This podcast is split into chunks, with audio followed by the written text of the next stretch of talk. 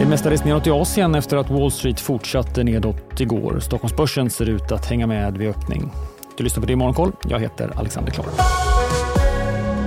Ja, de flesta asiatiska marknaderna handlas nedåt nu på morgonen. Tokyobörsen är ett undantag, svagt uppåt. Där har också den japanska yenen tappat något mot dollarn efter att den som utpekats i japanska medier som den nya centralbankschefen, idag fortfarande vice centralbankschef eh, Masayoshi Amamiya, sagt att det är lämpligt att Bank of Japan fortsätter med sin ultralätta penningpolitik och behåller sitt mål om en inflation på 2 han medgav också att det finns störningar i räntekurvan men att han inte ser anledning för centralbanken att göra sin kontroll av räntekurvan, så kallad yield control, mer flexibel.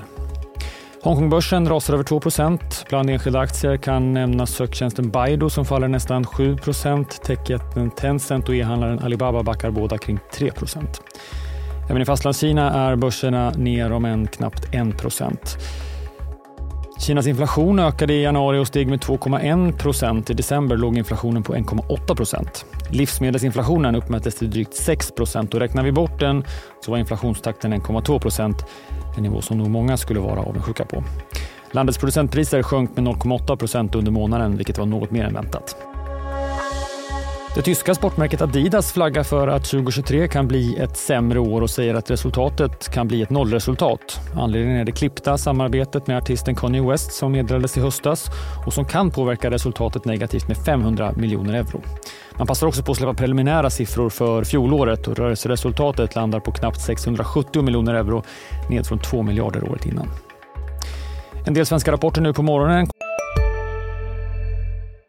Har du också valt att bli egen?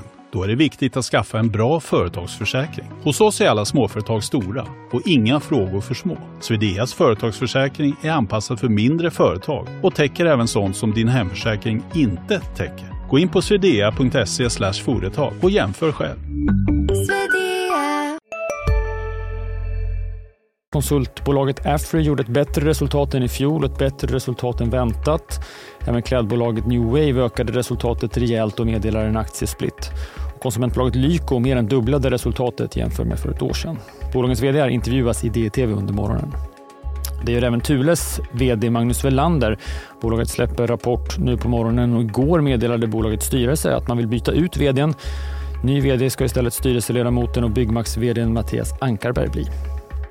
Fastighetsbolaget Emilhus som rapporterar idag uppdaterar sina finansiella mål. Och bland övriga svenska nyheter så har lilla Bambooser tecknat ett samarbetsavtal med TikTok i USA. Men bolaget ger inga prognoser vad det kan betyda intäktsmässigt. Det var som sagt nedåt igår i USA igen, särskilt för techsektorn, inte minst för Googles Alphabet som backade ytterligare 4 Nasdaq stängde ner 1% och S&P 500 var inte långt efter. Investmentbanken Credit Suisse hade det riktigt tufft och rasade över 15% efter en rapporterad förlust i det fjärde kvartalet. Yahoo är det senaste techbolaget att göra sig av med folk. 20% av personalen får gå. Inom annonsverksamheten ska man minska styrkan med hela 50 en hel del makrosiffror att ta emot under dagen. Bortom då morgonens rapporter. Vi får dansk inflation om en liten stund och brittisk BNP som väntas minska under förmiddagen. Och hemma i Sverige på First North så tar vi emot SBB-avknoppningen Niobo som blir ett väldigt stort bostadsbolag på listan. Vi följer det mottagandet i Börsmorgon från kvart i nio och så pratar vi som sagt med flera av de rapporterande bolagen.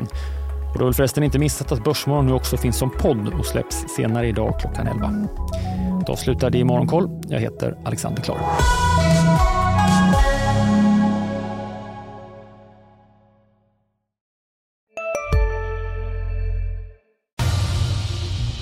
Expressen gör varje vecka podden Politikrummet där vi djupdyker i det senaste och viktigaste inom svensk politik. Med mig, Filippa Rogvall, som programledare tillsammans med mina vassa kollegor. Och det är ju ni som heter Thomas Nordenskjöld, Anette Holmqvist och Viktor Bartkron. Politikrummet kommer med ett nytt avsnitt varje tisdag. Vi hörs.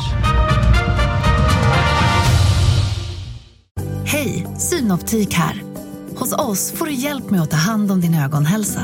Med vår synundersökning kan vi upptäcka både synförändringar och tecken på vanliga ögonsjukdomar.